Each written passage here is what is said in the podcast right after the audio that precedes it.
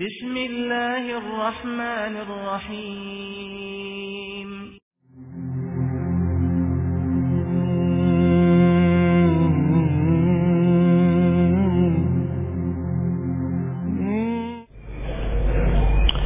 این سوره سی و شش آیه است یکصد و نود و نه کلمه است چگونه مفسرها بعضی آوردن و هفتصد و سی حرف است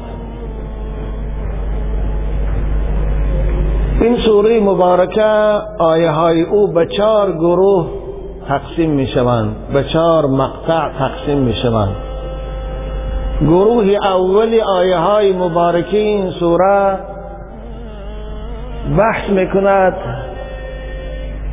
درباره اصلاح عقیده و اصلاح جامعه. ویل للمطففین. وای برای تاجرانی کم فروش. ویل کلمی حسرت است. کلمی حلاکت است. کلمه است که خبر می‌دهد از دهشت بالای صاحبیش بالای این شخص آینده. خدا این کلمه را در کی استفاده برد؟ برای کی به کار برد؟ برای همون تاجران و سوداگرانی که در تجارت خود خیانت می‌کنند. قرآن کتاب جامع ساز است. قرآن کتاب عدالت است. در جامعه که قرآن حکم فرماست قانونش جاری است در آن جامعه ظلم دیده نمی شود در آن جامعه بد اخلاقی دیده نمی شود. در آن جامعه فحشا دیده نمی شود.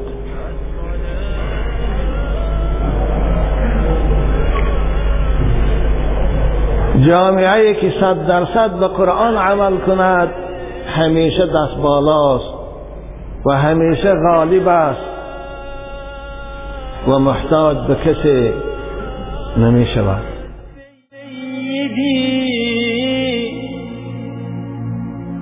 عليك يا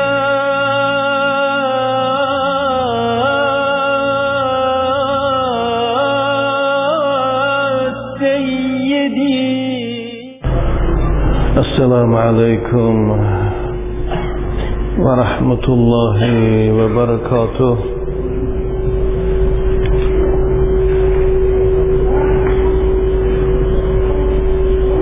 عاشقان مدرسه محمدی و مهمانان خانه خدا. پیش از که به صحبت شروع کنم اولا از خداوند مهربان برای یکایک شما و خاندان شما تن صحت و رزق فراخ و زندگی خوش خواهانم. و دعا می‌کنم پروردگار شما را به هر مقصودی که داشته باشید رساند و هر حاجاتی که داشته باشید برآورده بگرداند. و این نارامی ها و ناخوشی هایی که امروز در جمهوری ما به وقوع آمده است. خداوند این نارامی را این ناخوشی را برطرف سازد. با وحدت و یک پارچگی و دوستی در بین مردم عزیز ما تاجکستانی ها ایجاد نماید. و این دوستی و وحدت تا آخر ادامه یابد. آمین. امروز روز آخرین ماه شوال است و فردا که ماه زلقعده شروع می شود روز شنبه. همه شما را به این ماهی نو تبریک می‌گویم و از خداوند در زندگانیتان و در کسب و کارتان موفقیت و برکات تمنا دارم. ماه ذوالقعده هم ماه دوم حج است. که انشاءالله در این ماه زائران خانه خدا آهسته آهسته به سوی زیارت و سفر این مکان مقدس روان می شوند. چون پروانه که برای دیدن شام و تواف شام حرکت می‌کنن و دعا می‌کنن خداوندا. این سفر دور و دراز برای حاجیای ما و برای زائران خود خانی خدا از همه گوش و کنار عالم آسان بسازد. و زیارت ایشان قبول درگاهش بگرداند. و بعد از انجام سفر حج همیشان سلامت به خاندانشان بازگرداند. و شما را هم عاشقان مدرسه محمدی که بسیار آرزوی زیارت خانه خدا دارید خصوصا جوانای زیبا. به این زیارت شما را هم مشرف بگرداند. صحبت امروزه ما سلسله درس های قرآنی است.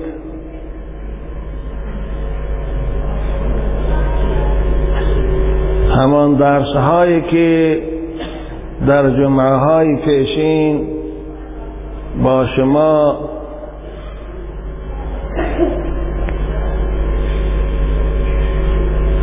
صحبت داشتم. الحمدلله به قدر دانش و استعداد ناکرایی خود و امروز این درس ها را باز ادامه می دهم و سوره مبارکی مطففین موضوع صحبت این دو جمعه ماست.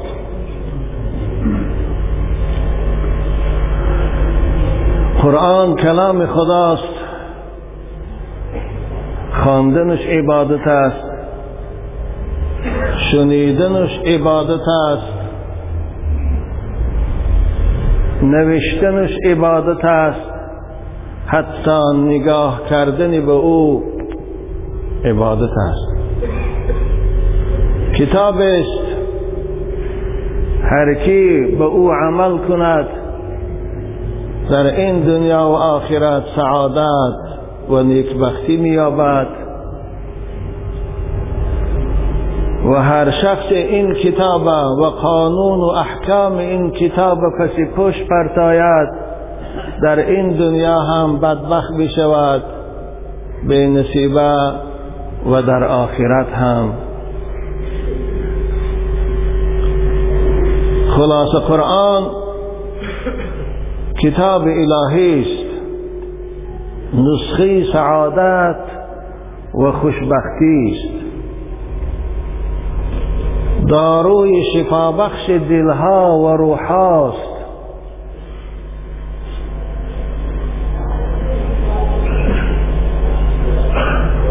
کتاب است با تعبیر رسول اکرم دسترخان پرناز و نعمت خداوندی است که خوانندگان او هر چی خواهند از این کتاب مییابند برای آسایش خود راحت خود.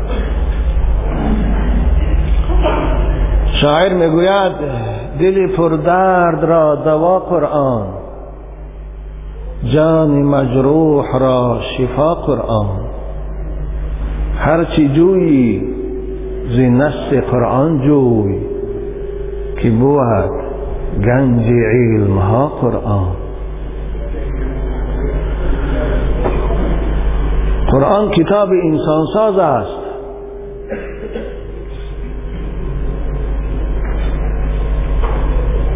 قرآن کتاب جامع ساز است. قرآن کتاب عدالت است. در جامعه که قرآن حکم فرماست قانونش جاری است در آن جامعه ظلم دیده نمی شود در آن جامعه بد اخلاقی دیده نمی شود در آن جامعه فحشا دیده نمی شود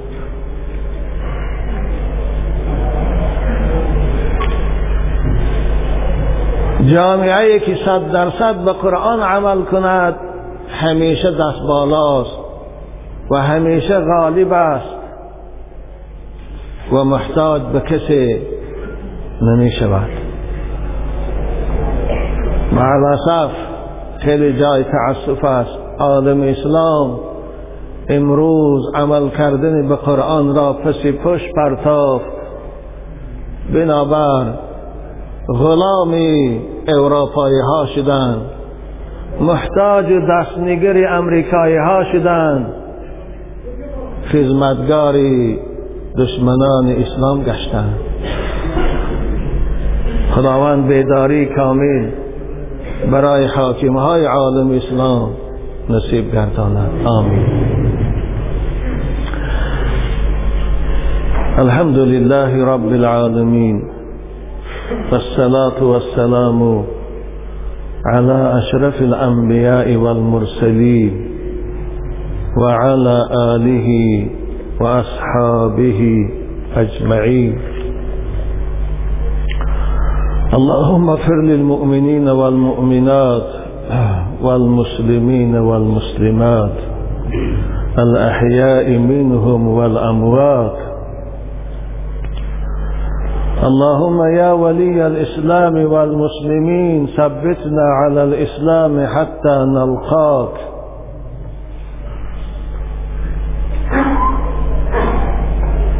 اللهم اهد أولادنا وأولاد المسلمين. اللهم اشف مرضانا ومرضى المسلمين. خدایا گذشتگان ما را غریق رحمت گردان. خدایا باقی مانده های ما را توفیق بندگی عنایت فرما. خدایا صاحب اسلام و قرآن تو هستی. ما را بر این اسلام و بر عمل کردن به قرآن تا لحظه آخر استوار بدار. خدایا فرزندان ما و فرزندان امت اسلام از راه راست از راه پیروی قرآن و سنت و پیروی اهل بیت دور نگردان. خدایا بیمارای ما را و بیمارای امت محمدی را و بیماران کسانی که از تبابت کردن طبیبها ناامید شدند تو قادری شفای کامل نصیب گردان. خدایا به فرزندار فرزند صالح و دوست رو یک شیرین و اهل قرآن نصیب فرما خدایا برای ما امت اسلام و خصوصا برای جوانان عزیز خواندن قرآن و حفظ کردن قرآن و عمل کردن به قرآن را نصیب فرما. خدایا برای حاکم های عالم اسلام همت نصیب گردان که قرآن را دستور العمری سیاست دولتداری خود بسازند. آمین. یا رب العالمین.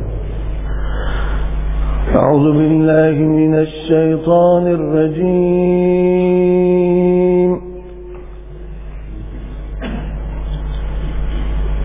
بسم الله الرحمن الرحيم.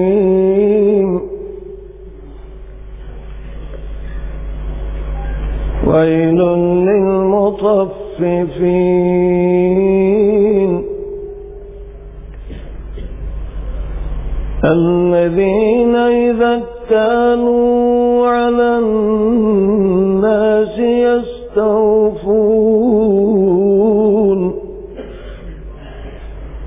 وإذا كانوهم أو وزنوهم يخسرون. ألا يظن أولئك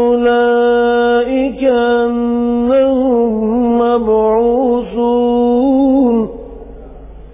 ليوم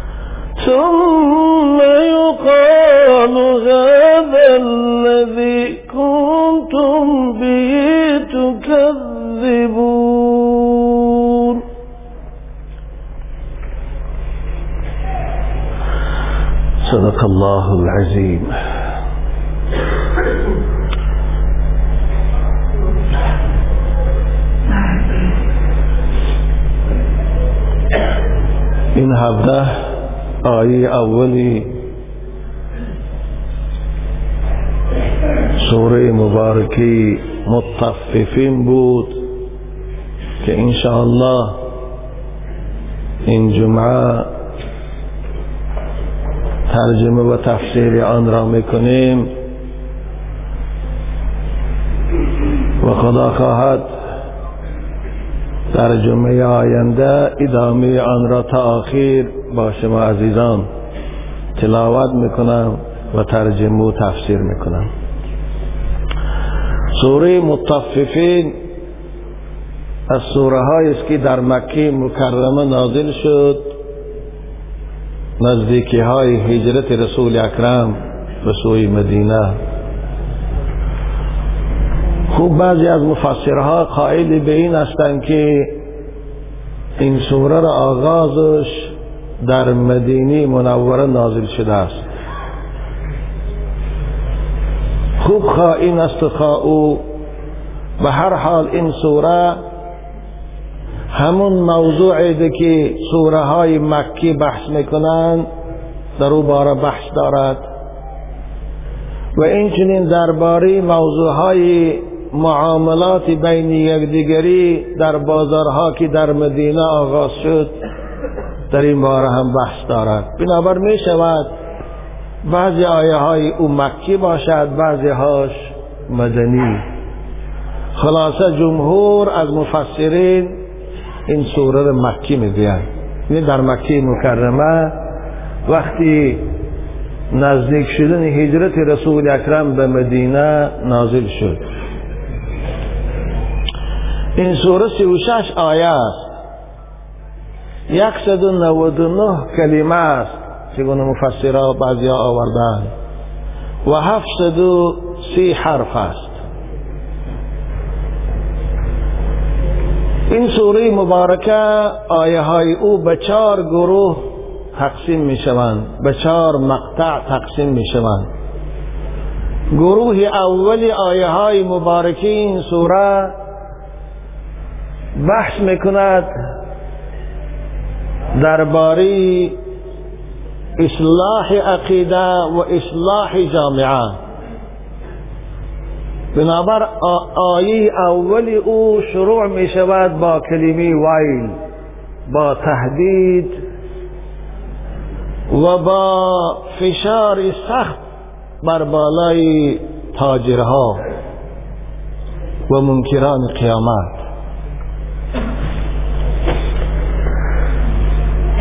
و گروه دیگری از آیه های این سوره کلا این کتاب الفجار لفی سجین تا آیه هفده.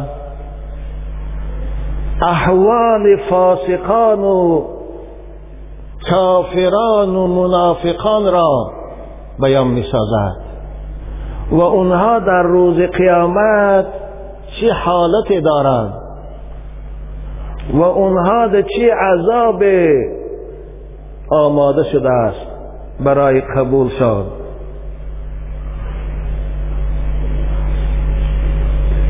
و معامله اونها نسبت به قرآن و پیغمبر چگونه است بیان می‌کند؟ گروه سوم این آیه های مبارکه از آیه هجده سر کرده تا 28 والله اعلم. بیان می سازد احوال مؤمنان را بندگان نیک خدا را در روز قیامت. که چه حالتی خوش برای اونهاست چه نعمتهای بیبهای برای اونها آماده است. اونها در آن روز چه حالتی دارند؟ او را بیان بسازد و آخر سوره این گروه آیه های گروه چارم تا آخر سوره معامله بد اخلاقانه کافران منافقان فاسقان در هر عصر و زمان نه فقط در عصر پیغمبر بلکه عصر بعد هم و عصر آینده هم با مؤمنان چگونه بود؟ او را بیان می‌سازد گویا قرآن الان نازل شده ایستاده است. وقتی که من این سوره رو میخواندم و تفسیرش نگاه می‌کردم گمان می‌کردم که الان حالت امروزه را حادثه های امروزی جامعه ما را خداوند مهربان دیده این آیه را فرستاده ایستاده است. حالا که این 1440 سال شد آمدن قرآن است.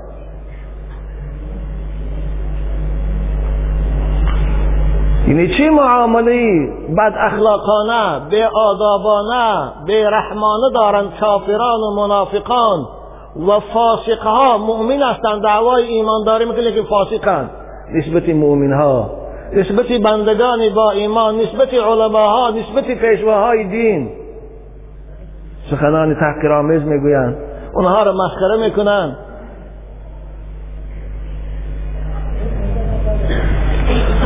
و این چنین معاملی مثل را که مؤمن ها مستضعفین ها روز قیامت با این کافرها و فاسقا دارن او را هم آخر دبا بیان می‌کنند امروز کافرها به ما مسخره می‌کنند امروز فاسقهای منصبدار ما را تحقیر می‌کنند فردا ما در منصبهای عالی بهشت بالای تخته های جنت اونها را مسخره می‌کنیم اونها را تحقیر می‌کنیم. این سوره با این به پایان می‌رسد. این از موضوعی که سوره مبارکی مخففین بحث می‌کنن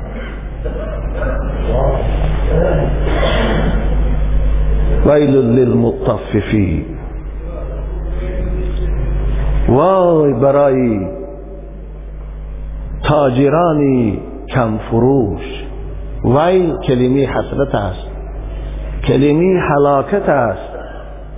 کلمه است که خبر می‌دهد از دهشت بالای صاحبیش بالای این شخص آینده.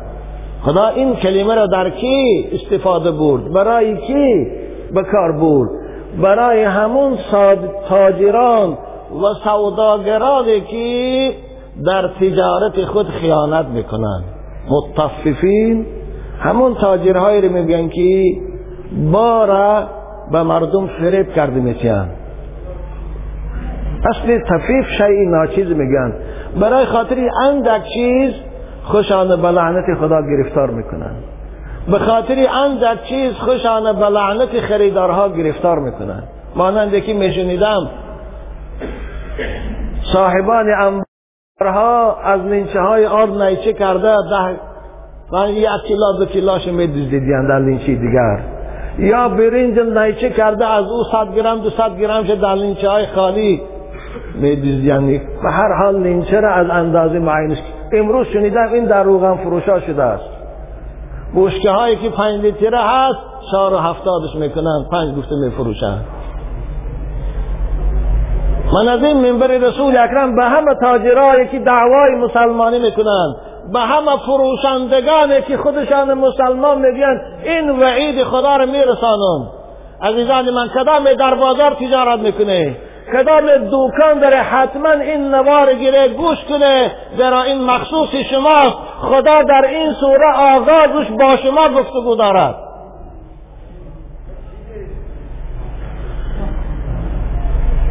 ویل للمطففین. وای برای کم فروشان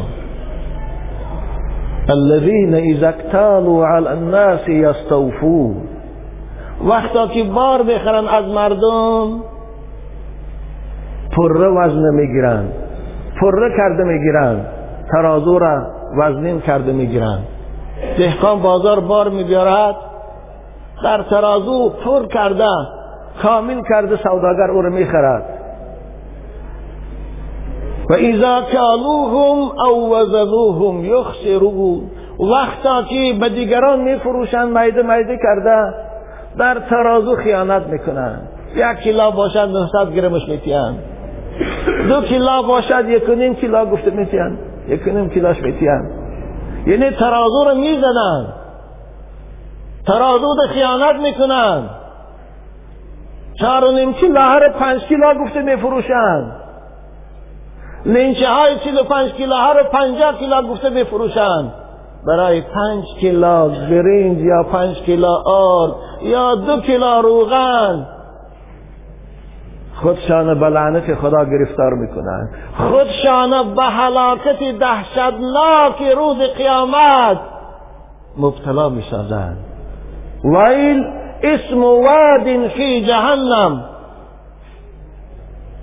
مفسرین کرام می‌گویند ابن عباس اکرمه ویل نام یک چاهش در دوزخ. و فیها انواع العذاب. تمام عذابهای دهشتناک در او دیده می شود ان همون چاه ان همون کمره آهنین قرارگاه تاجرهای است قرارگاه فروشندگان است سوداگران است که در تجارت خیانت می‌کنن. در فروش حق مردم خیانت می‌کنن. فهمیده این سوره رو هم میشه ما می‌خوانه طالب علم معناش همین است. وای به حال کم فروشان. خیانت کنندگانی در ترازو. وقتا که از مردم بار می‌خرند کره می‌خرند وقتا که به مردم میفروشند خیانت کرده میتیند کم میفروشند کم می‌دهند اذا اکتالوا علی الناس یستوفون و اذا کالوهم او وزنوهم یخسرون. پیش از آن که این رسول بزرگوار به مدینه بیان مردم مدینه تاجر بود. بازار سوداگر بودند. اونها خیلی فریبگر بودند. خیلی از ترازو می‌زدن میشه تاجیک های ما عادت یاد گرفتی از یهودی ها از ترازو می‌زدن. وقتی که رسول بزرگوار این آیه را در مسجد خواندن در روز جمعه تاجرها که شنیدن از اهل مدینه دیده در تجارت و سودا راستگوتر خوبتر دیگر کسی نبود. الان همچین است. اهل مدینه. حضرت ابن عباس هم این روایت دارن. حضرت امام باقر هم این روایت تردیه آورده هستند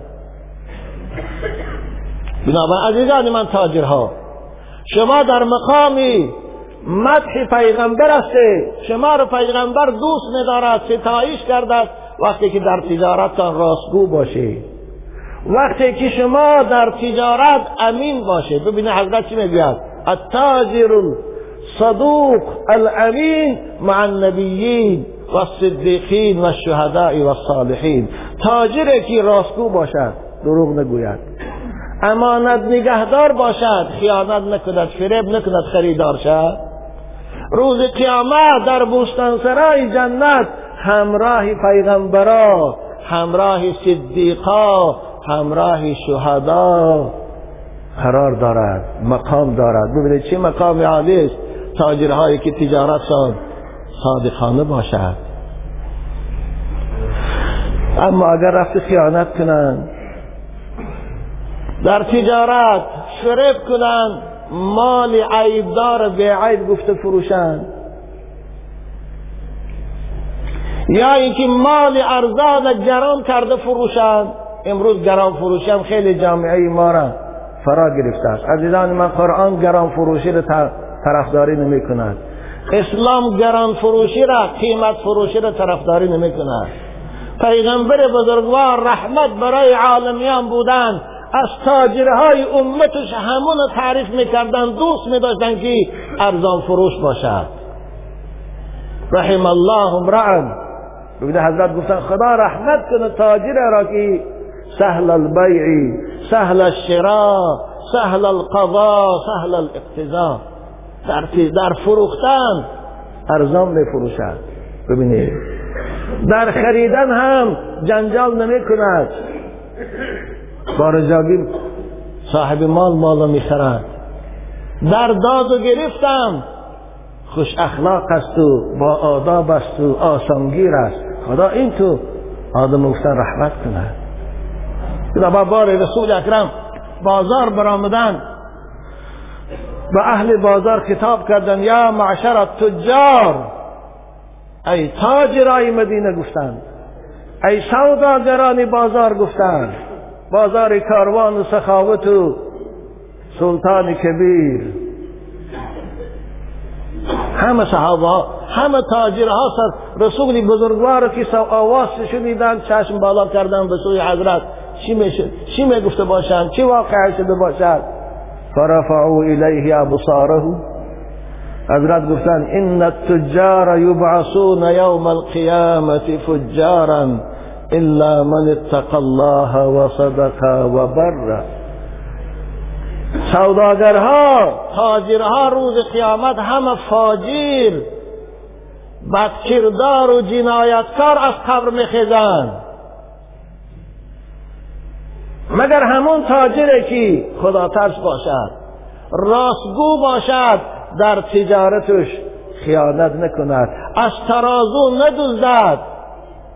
در وقتی پول گرفتن یا پول دادن حقی خریدار نخورد او پیشگاه خدا ده. مقام دارد. اما اگر رفت و خیانت کند تقوا نکند. به خاطر دروز دنیا بایش و گویان حقی خریدار خورد. از ترازوش بزند او فجار است گفتند الان فجار جاش کجاست؟ این سوره بیان می‌کند بدا به تاجرای عزیز. کسانی که کسب تجارت داره خدا برکت تان راست قول باشید. عدالت پیشه باشید. به انصاف باشید. مال یک سمه را دو سم فروشید پنج سم نفروشید وقتی که در بازارها انگور می‌بینی که لاش ده سم این انصاف نیست. این انصاف نیست باور کنید انصاف نیست. وقتی که یک خربزه رو می‌بینی 25 سم والله این انصاف نیست. خداوند به خاطر قیمت فروشی به خاطر خیانت کردنی در ترازو قوم حضرت شعیب هلاک کرد. اگر ما قرآن خانیم از سوری اعراف سر کرده به سوری هود و به قوم شعیب خدا قصهش بیان می‌کند. حلاکتشان بیان. سبب حلاک شدهشان چی بود؟ اونها در ترازو خیانت می‌کردن. وظیفهشان فریب دادن خریدارها بود. وظیفهشان مال ارزان قیمت فروختن بود. انصاف نداشتن. خداوند با پیش از آن اونها را هلاک کند براشان پیغمبری زیبای خوش سخن واعظ شعیب فرستاد. که حتی مفسرها می‌گویند شعیب واعظ پیغمبرها بود. هیچ پیغمبر مثل شعیب شیرین سخن نبود. اوی فرستاد. حضرت شعیب هر چند فرماندن هر چند دعوت کردن هر چند گفتن. که از این کار باز اشته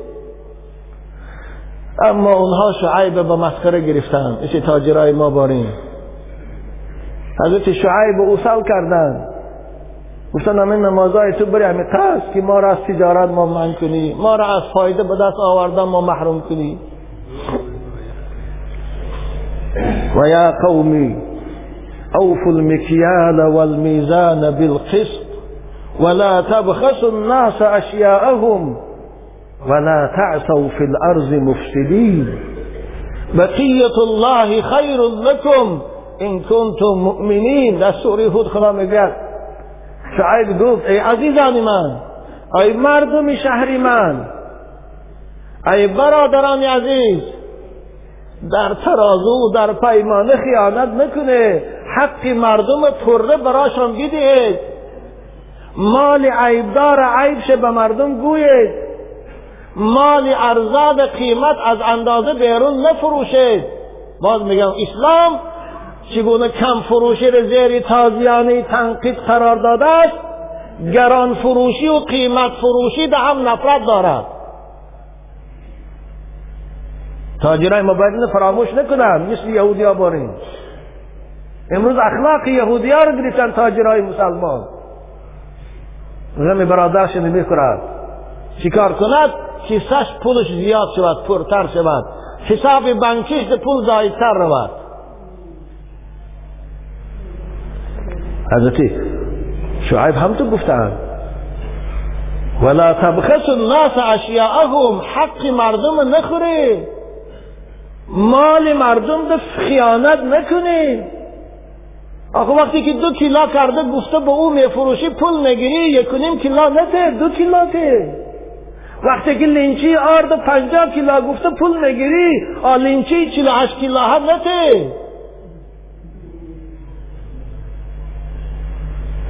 ولا تبخسوا الناس اشیاءهم ولا تعثوا في الارض مفسدین. شعیب گفت ای قوم من شما زمین با این ظلم و خیانت خود فساد نکنه. آخر جامعه بشری با عدالت پایدار است. در جامعه که عدالت حکم آن جامعه آباد است آن جامعه رحمت خداست آن جامعه شب باران میبارد روز آفتاب آن جامعه را گندمش مثل دانه خورما کلام می‌شود. جامعه که ظلم دارد خیانت دارد گران فروشی دارد خداوند حتما عذابش میفرستد. این امر خداست.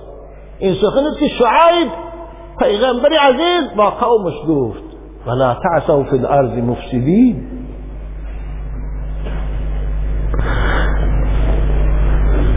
بقیت الله خیر لكم این کنتم مؤمنین ای تاجرا ای سوداگرا همون مالی انده که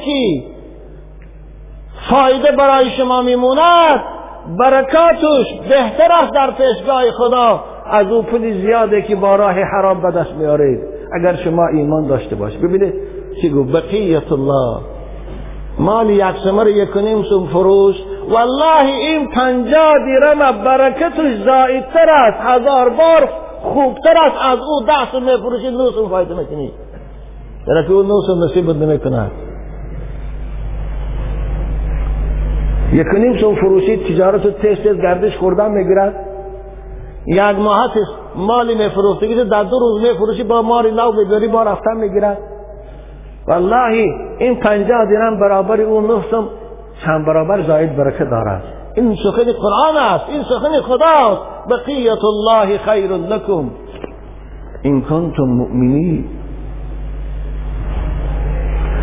معلوم شد تاجرایی که سوداگرانی که در تجارتشان خیانت می‌کنن در ترازو خیانت می‌کنن اونها ایمان ندارن اگر نه ایمان می داشتن غم برادری مسلمان شو می‌خورد رسول اکرم بودن مسلمان برادری مسلمان است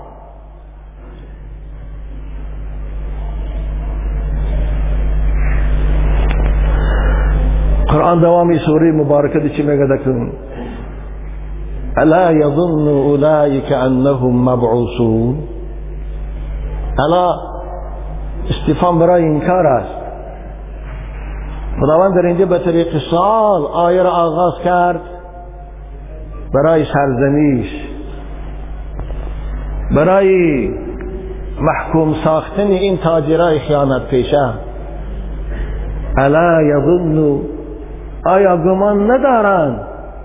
این سوداگرانی که در ترازو خیانت می‌کنند در وقت حساب کردن پول خریدار خیانت می‌کنند اونها گمان ندارند که روز از قبر زنده می‌شوند. روز اونها را خدا بعد از این عالم رفتن از قبر میخیزاند او روز چه روزی بزرگ است؟ آن روز چه تو روزی سخت است؟ آن روز چه روزی دهشتناک است؟ ببینید خدا او روز بزرگیش بیان می‌کند. دهشت بیان می‌کند؟ لیوم عظیم. در روز خیلی سخت. آن روز مثل این روز دنیا نیست. آن روز مثل روز مرافعی سودی پیشی پرکرار و سود عالی یا پیش جناب عالی جواب دادن نیست. آن روز روز سخت است. روز است که آفتاب به زمین قیامت آنچنان نزدیک می شود. مغزی سر در کاس خانی سر می دوشد. مثل دوشیدن دگ در روغن تسبان آن روز است. لیوم عظیم. یوم یقوم الناس لرب العالمین. روزی که به پا میخیزن همه مردم در پیشگاه خدای عالمیان. در پیشگاه ذاتی که غیر از او دیگر حاکم نیست غیر از او دیگر فرمان روا نیست غیر از او دیگر حکم کننده نیست. همه پیش او دراست بخیزن. یا الله. چه روزی دهشتی است یوم یقوم الناس. لرب العالمین فی یوم آن روز. به اندازی سیصد سال دنیای ما ادامه مییابد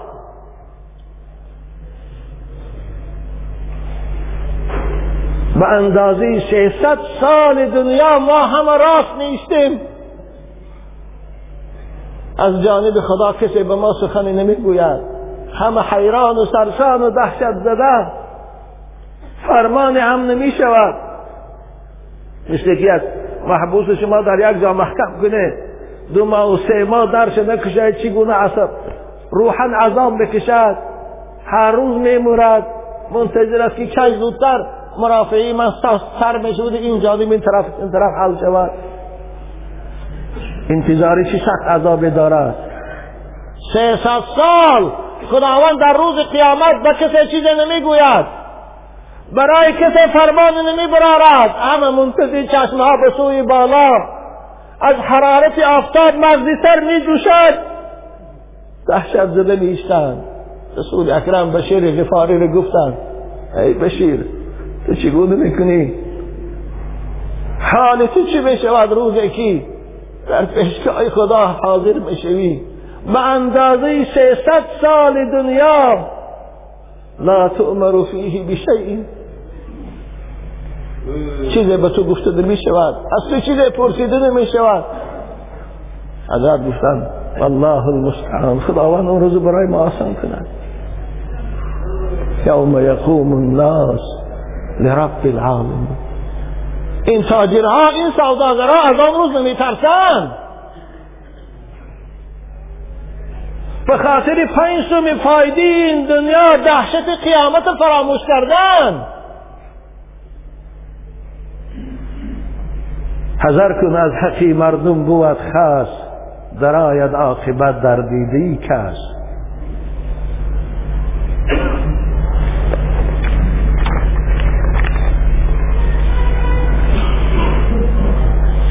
یا الله حضرت مولی میگه زنهار ای مدعی زنهار ای مدعی از حق کس پرهیز کن حق مردم نخور هر کس که حقی مردم خورد هر کس که حقی مردم خورد آخر قی کند. هر کس حقی مردم خورد آخر که او قی کند. یک نظم هم داره حضرت آخر این خیانت های در تجارت آخر حسرت دارد. این فریبگری های در سودا آخر پشیمانی دارد. لیکن پشیمانی که دیگه فایده ندارد. حسرتی که دیگه فایده ندارد. الا یظن اولئک انهم اولئک راجع به سوی تاجرهاست. خداوند اسم اشارتی که دلالت به بعید دوری بکند متففین به او اشاره کرد. مفسرین کرام میگن به خاطر آنکه متففین یعنی کم فروشان و خیانت کنندگان در ترازو از رحمت خدا خیلی دورند امید رحمت نکنند کسانی که انیچه ها میدوزن از سر بوشته ها میدوزن امید رحمت خدا می‌کنن. الا یظن اولئک انهم مبعوثون لیوم عظیم. یوم یقوم الناس لرب العالمین كلا إن كتاب الفجار لفي سجين. كلا حرف رادع است خداوند به فاجرها و به فاسقها به پارخورا به حق مردم خورا. به کسانی که قانون خدا را رعایت نمی کنند. به اونها خطاب می‌کند که ای انسانی که حق مردم می‌خوری از این راه باز ایست. الله حرف رد از رد باز استادن از این کار دست کش. از این راهی که رفتی استادی راه حلاکت از خودت نگه دار. روز قیامت روزی سخت است. آن روز همه یکسان نیست. آن روز مؤمن و کافر یکسان نیست. آن روز بنده صالح و مسجدی و بنده طالح و عرقور یکسان نیست. آن روز ابرار و بندگان خوبی خدا با فاسقها یک با یک جور نیست. آن روز روز جدایی است. آن روز روز فصل است. من کلا این ifade می‌کنه آن روز بندگان خدا به دو گروه تقسیم می‌شوند.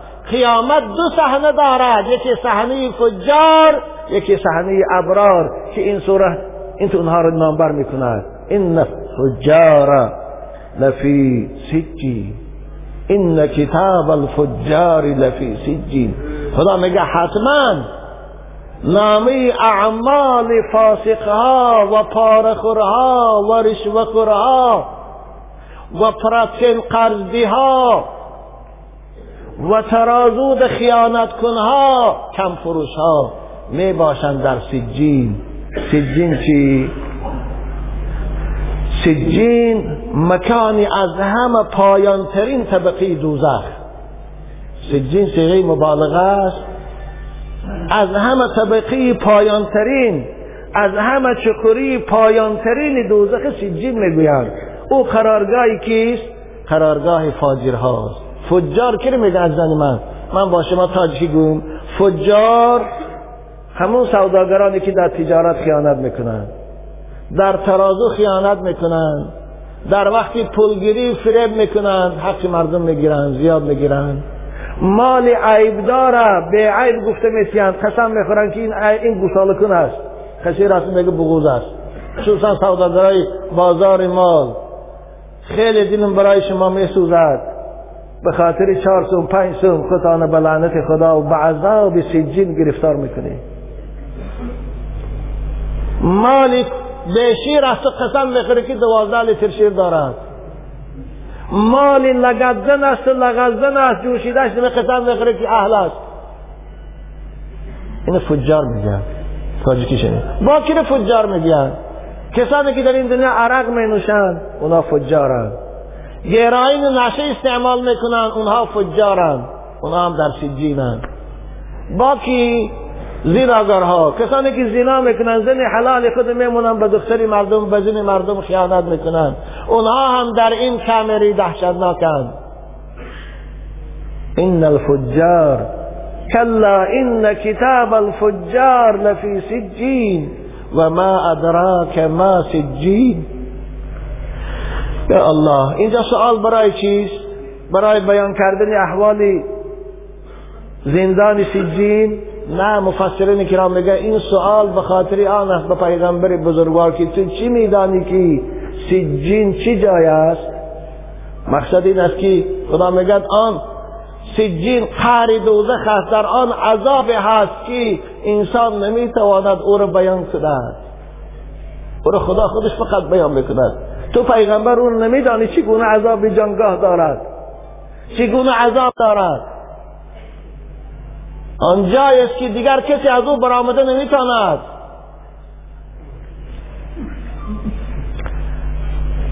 سجین مثل ترمی کگبه که در داخل این ویده است در داخل سیوم کلانه است.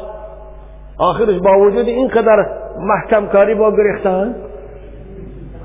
دو ماشو جمهوری ما را در تشویش موندیان. حیات آسایشته و آرام ما را خلالدار کردن. با وجودی که در دهشتش گرفته شد اما سجین جایی نیست که از او گریزی. قرآن میگه دینا از اونجا گرفتن امکانیت ندارد. و ما ادراک ما سجین. کتاب مرقوم. کتاب مرقوم. دیلای جنایی که برای این فاجرها آماده کرده شد حتمی گردانیده شده است. گناهاشان با روی خط در زیر نامهاشان همش اثبات شدگی است. زهر رشد مهر گذاشتگی است. معنی مرقوم تفتیش او تمام شدگی است. زهرشت مفتش الهی امضا کردن. خداوند امضاش گذاشتم شد گذاشت پیشت در او کامر خرانه سجین برده موندن. او دیگر نه زاید بشود نه کم. نه چیزی از آنجا گم می شود نه چیزی از اون روی خط نابود می شود کتاب مرکوم ویل یومئذ للمکذبین.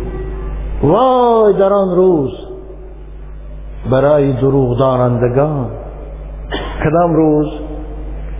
روز قیامت. الان دروغگوها در راحتن. الان دروغگوها بالای حکومتن. الان دروغگوها بالای جیب سوارن. اما این وای این حلاکت و این حسرت کدام روز است برای دروغگوها؟ در روز قیامت.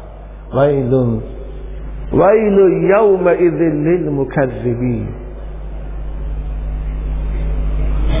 اگر این سوداگران مفسرین کرام میگن یقین و باوری قطعی به روز قیامت هم نمی داشتن همین قدر فرض می‌کردن گمان می‌کردن که قیامت هست زنده شدنی هست شاید باشد. همین قدر گمان باید اونها رو کفایه کنه که از این فریبگریش هم باز ایستن از این خیانت کردن و کم فروشیش هم باز ایستن به خاطر چهار پول خوشانه به عذاب خدا. به خجالت همیشگی رو فرو می‌کنن. ویل یومئذ للمکذبین. دروغ گویندگان دروغ دارندگان کی هستند کی قیامت دروغ می‌داند الذين يكذبون بيوم الدين همان دروغ دانندگانی که باوری به روز قیامت ندارند. روز جزا را افسانه می‌دانند. وقتی که قرآن وقتی که پیغمبر یا عالم و جاینشین پیغمبر درباره قیامت و سختی آن روز صحبت کند از غرور و تکبری او را افسانه می‌داند.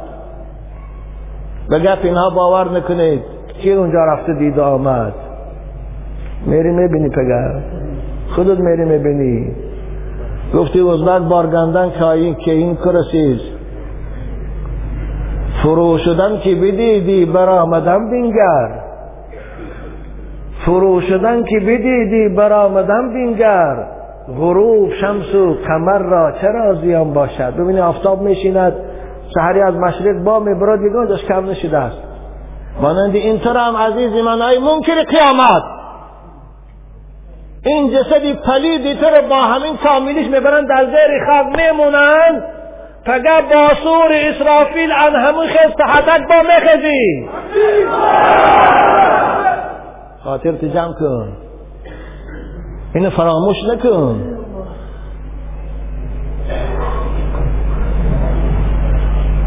فرو شدن که بدیدی برآمدن بینگر. غروب شمس و قمر را چرا زیان باشد؟ کدام دانه بر زمین فرو برفت که نروست کدام دانه بر زمین فرو برفت و نروست کدام دانه رشنانده که تو فصل بهار دو نروی دای چرا بدانی انسان چنین گمان باشد احمق؟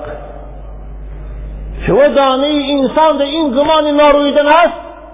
همه دانه ها که میرویدین همه که با دمیدن فصل بهار زنده نشده است. شما انسان زنده نمی‌شود. کنی عقل کنی منطق. الله اینها وقتی که القرآن دوام دین بیان می‌کند. آلودی گناه هستند غرقی در شهوات هستند. دلهاشان گناه دوست که شدگی است با تعبیر علامه طباطبایی گویم. دیگر اینها هرچی که درباره قیامت و جزا و حساب قیامت شنوند قبول ندارند. زیرا که اگر اونها رو قبول کنند مگر از این راه شهوت پرستیشان باز بیستند اگر قبول کنند باید از زناگاریشان دست کشند. از عرق خوریشان باید باز بیستند اگر قبول کنند. به خاطر همین باز اشتاده که نمی‌دانند. چی می‌کنن؟ بگن نه این دروغ این ملاها وایمه می‌کنن ایشان نوردین آدم رو میترسانن ای الله ایشان نوردین دوستی توست. دل من برای تو میسوزه ای لحم ضعیف مایل نار مشو کار کنو به دوزخ گرفتار نشو از نفع و ضرر تو را خبر کرد خدا. این خدا گفت ایستاسی من نمی‌گویم. کن سود و بجان در پی آزار نشو زهری بدن مشارقای خور بگید زهری بدنت میشه این دختر بازی هات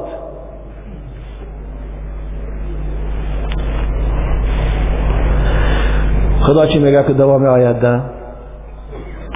و ما یکذب به الا کل معتد اسیم. قیامت کی باور نمی‌کند؟ قیامت کی دروغ می‌داند؟ شخصی که سه صفت داشته باشد. عزیزان من توجه کنید. انسانی که دارای این سه صفت باشد او قیامت باور ندارد. او قیامت دروغ می‌داند. او را افسانه می‌داند. او را سفسطه عالم ها می‌داند. ملاهای افراطی و اصلاح بشان باشد. این سه صفت کدام است؟ یکم معتد اثیم یکم و ما یکذب به الا کل معتد. شخصی که تجاوز کننده از حدود بندگی است معتد کسی میگن که تجاوزکار است. از سرحد قانون خدا معین کردگی بیرون می‌برد در رفتار خود. خدا گفته از زنا نکن زنا می‌کند. خدا گفته از عرق ننوش گرایین و نشه استفاده نبر نفروش. تجاوز می‌کنه. قانون میشکند عرق نوشد گرایین نشه استفاده می‌برد.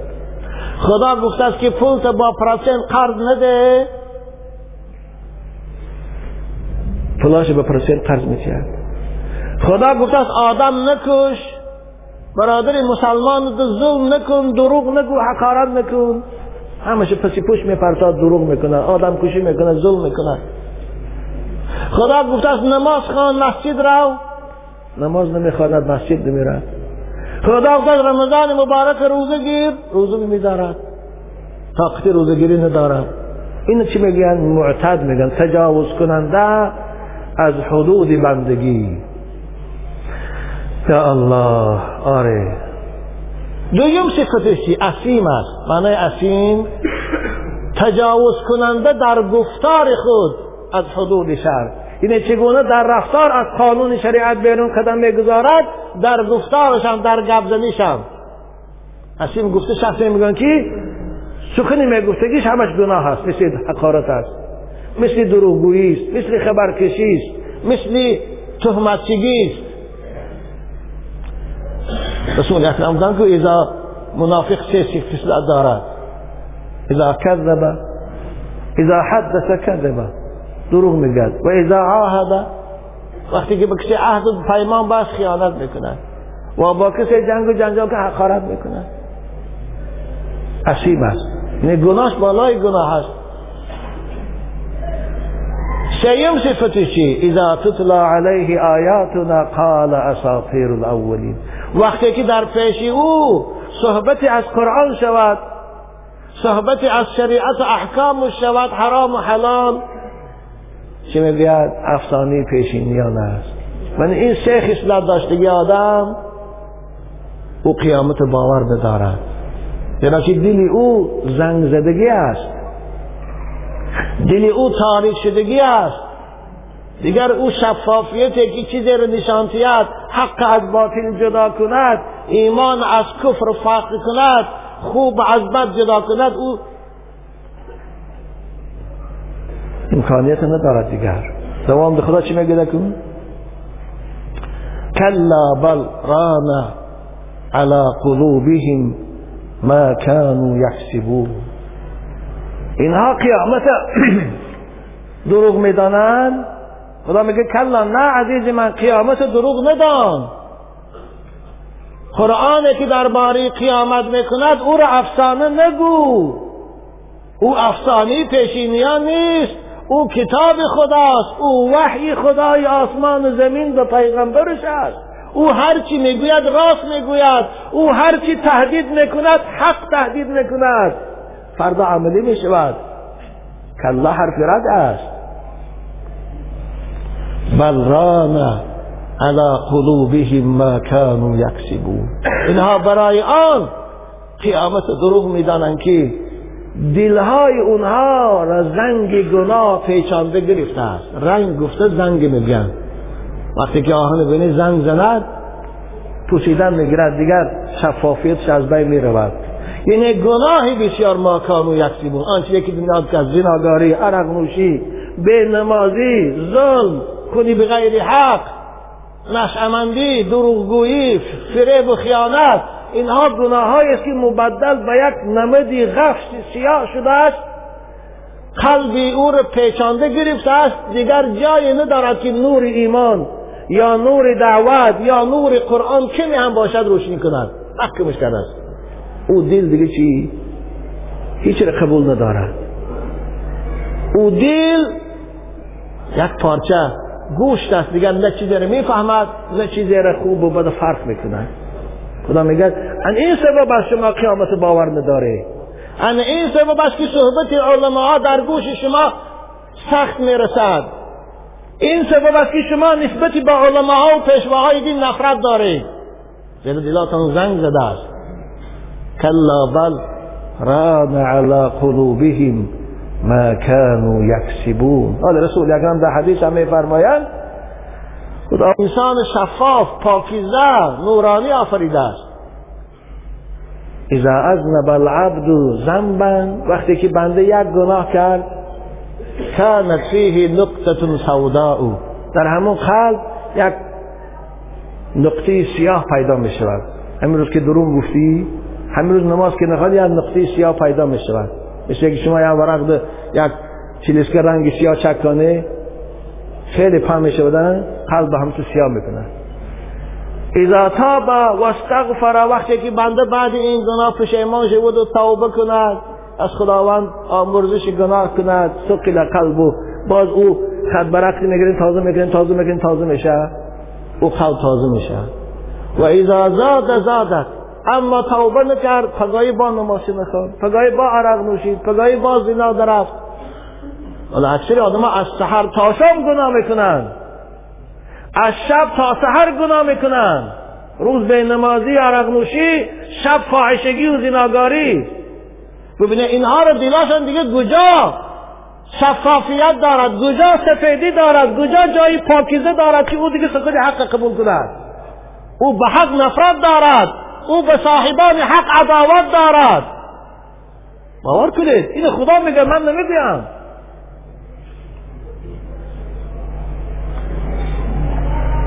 كلا بل ران على قلوبهم ما كانوا يكسبون.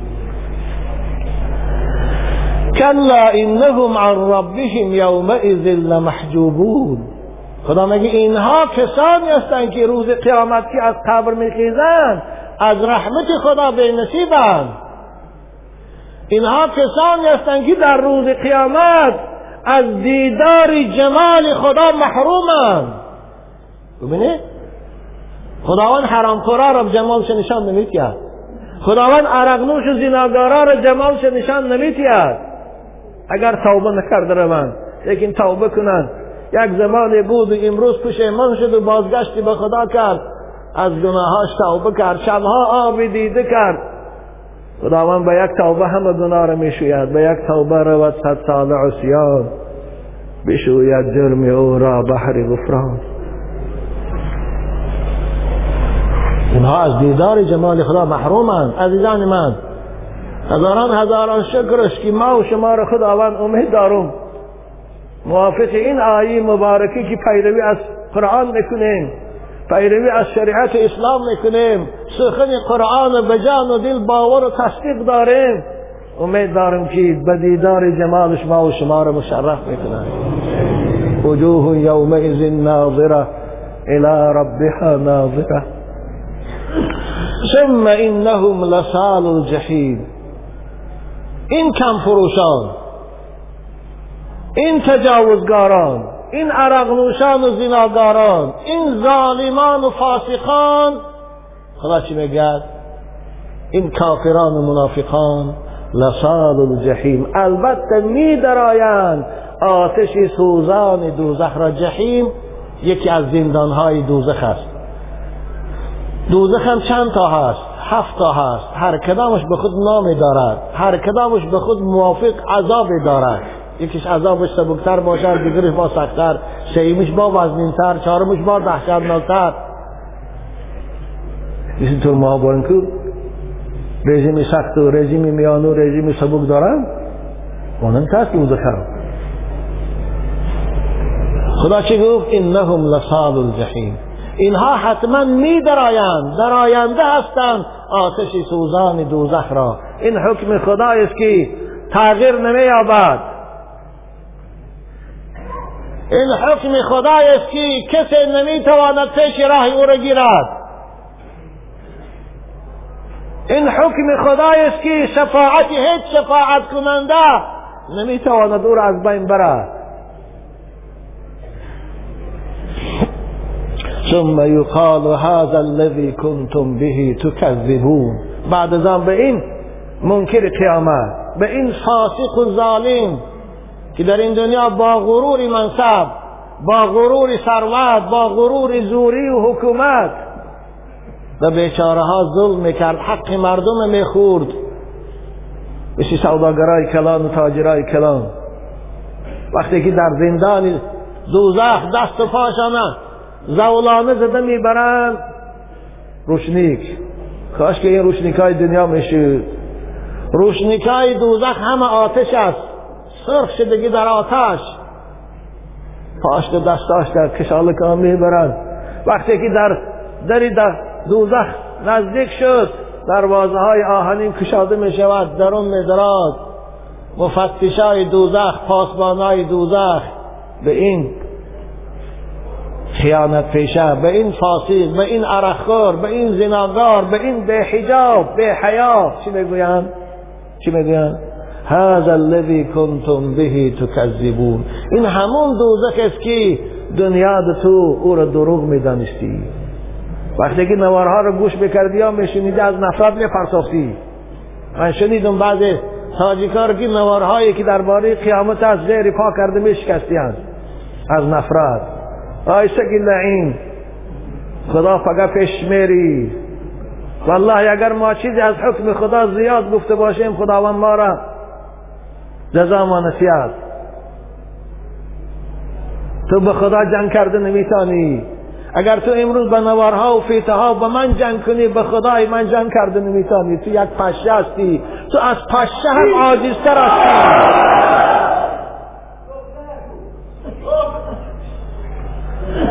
ثم يقال هذا الذي كنتم به تكذبون. این همون دوزخ است که دنیا رو دروغش می‌دانستی. این همون کامره های عذاب است که دنیا در افسانش بخوندی.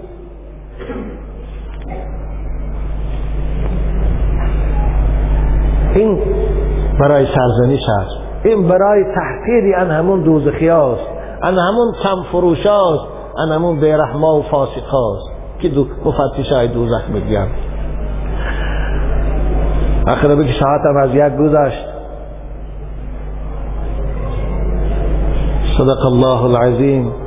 انشاءالله ادامه این سوره مبارکه رو در جمعه دیگر جمعه آینده باز کوتاهتر خدا خواهد صحبت می‌کنم. الان همیشه ما را به خدای مهربان بی سپارم و تمنا دارم که همین ما و شما را از عمل کنندگانی به این صحبت امروزه شود. سازد.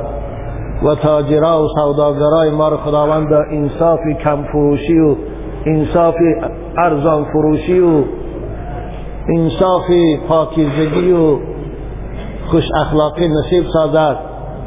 خداوند امت اسلام از پیروی قرآن. و سنت رسول اکرمش تا لحظه آخر جدا نگرداند. آمین یا رب العالمین.